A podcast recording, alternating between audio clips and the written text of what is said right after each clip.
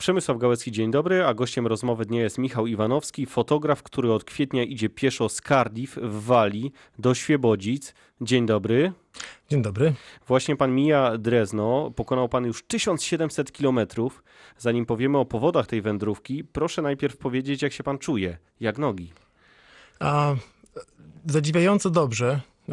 Noszę na plecach dość dużo e, bagażu i idę już dość długo, ale mimo wszystko jest całkiem ok. Mam takie wspieracze na, na kolana i, i, jakoś dają radę. Myślałem, że będzie gorzej. A ogólnie najgorsze jest chyba to, to, to lato stulecia, bo nie spodziewałem się, że Upały. e, będzie tak ciężko. Tak, jakoś na zimę się szykujemy zawsze bardziej. Wydaje nam się, że przed deszczem, przed zimą się chronimy, ale o słońcu nie myślimy. Ja tak przynajmniej miałem, więc to słońce mnie zaskoczyło trochę. A oprócz tych upałów, co jest największym problemem? Fizycznie pytam. A, hmm, myślę, że y, upały góry tak naprawdę. Wspinanie się i schodzenie później z tych gór to jest takie fi- fizycznie najbardziej, wydaje mi się, em, obciążające. Ale mm, ogólnie nie jakoś nie, jest, nie myślałem, że będzie wiele gorzej, przyznam. Myślałem, że, że będzie to większe wyzwanie, chociaż miałem parę takich momentów, że już Okej, rzeczywiście to nie ma o czym rozmawiać, bo przecież pan idzie tylko 1700 kilometrów pieszo, więc Spacerek, tak.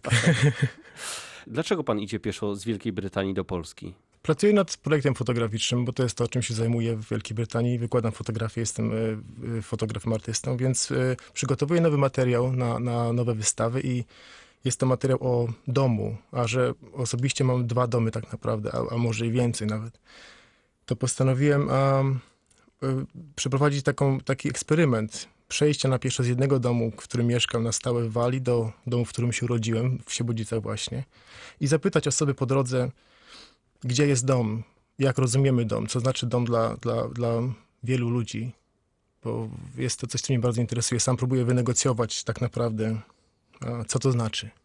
Ale wyczytałem na pana profilu społecznościowym, y, że ten zapalnik, ten moment, który zadecydował o tym, y, że rusza pan w podróż, był dosyć, dosyć smutnym momentem. Zobaczył pan napis na ścianie Go home Polish, wyjedźcie do domu Polacy.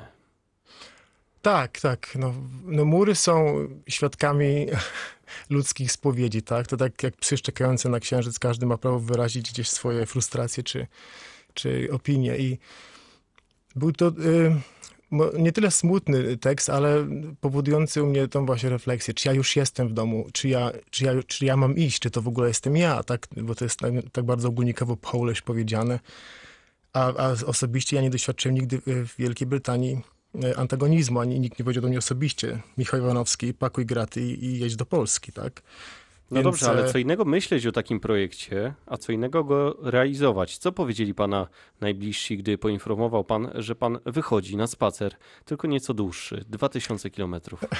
Zależy, którzy najbliżsi. Mama oczywiście załamała ręce, bo to jest chyba matczyny strach o to, że jej się dziecko zepsuje po drodze, zniszczy.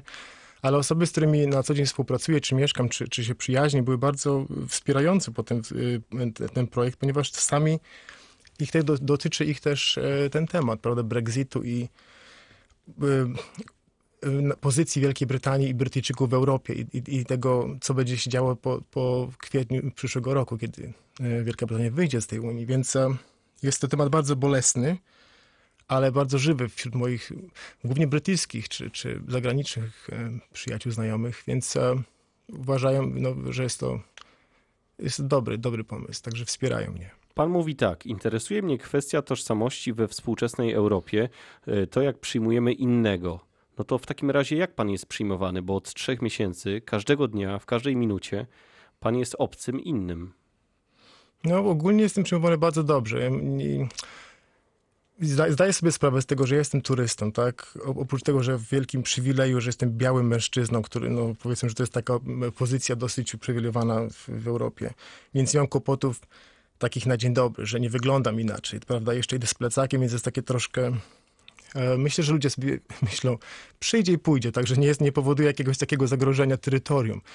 Ale byłem bardzo zdziwiony, że podczas tych trzech miesięcy spotkałem się może z dwoma czy trzema sytuacjami, kiedy ktoś był dla mnie nieprzyjemny, a widuję ludzi codziennie, więc y, powiem, że wy, wyleczył mnie z cynizmu ten projekt, jak do tej pory, bo zakładałem, że będzie, no, że będzie przeprawa, że będą, że będą jakieś szarpanki, ale zupełnie ich nie było, więc to wiara w ludzi została we mnie przynajmniej przywrócona w jakimś tam stopniu. Ale z drugiej strony opisuje pan na swoim profilu społecznościowym wydarzenia, które e, nie świadczą